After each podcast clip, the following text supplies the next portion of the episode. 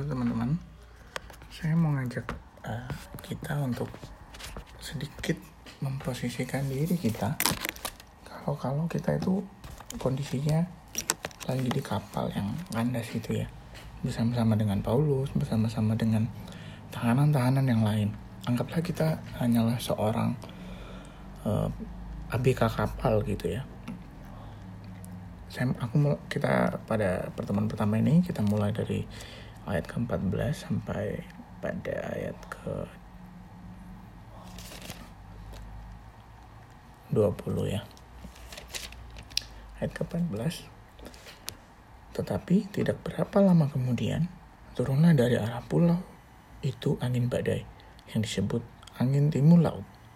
Kapal itu dilandanya dan tidak tahan menghadapi angin haluan karena itu kami menyerah saja dan membiarkan kapal kami terombang ambing.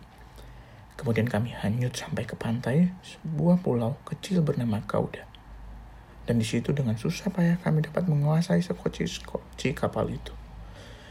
Dan setelah sekoci itu dinaikkan ke atas kapal, mereka memasang alat-alat penolong dengan meneliti kapal itu dengan tali.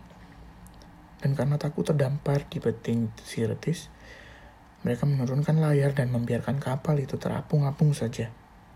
Karena kami sangat hebat dia mengambilkan angin badai. Maka pada keesokan harinya, mereka mulai membuang muatan kapal ke laut. Dan pada hari yang ketiga, mereka membuang alat-alat kapal dengan tangan mereka sendiri. Setelah beberapa hari lamanya, baik matahari maupun bintang-bintang tidak kelihatan. Dan angin badai yang dahsyat terus-menerus mengancam kami Akhirnya putuslah segala harapan kami untuk dapat menyelamatkan diri kami. Pada bagian ini, teman-teman kita bisa lihat ya,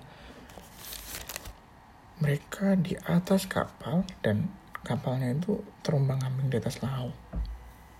Mungkin awalnya mereka masih kuat, paling histeris, ketakutan sedikit ketika melihat kondisi bencana ini ya, alam yang mereka hadapi dan mereka sudah tahu itu angin timur laut. Berarti bukan kali pertama mereka merasakan hal itu. Berarti mereka sudah biasa mengalami. Mungkin pada awalnya kita oke okay lah nggak apa-apa biasa aja. Tapi pada hari-hari selanjutnya badainya tidak berhenti berhenti dan pada akhirnya matahari dan bintang pun mereka tidak bisa lihat. Pada momen itu kepercayaan diri mereka hilang. Uh, pengharapan mereka mulai hilang.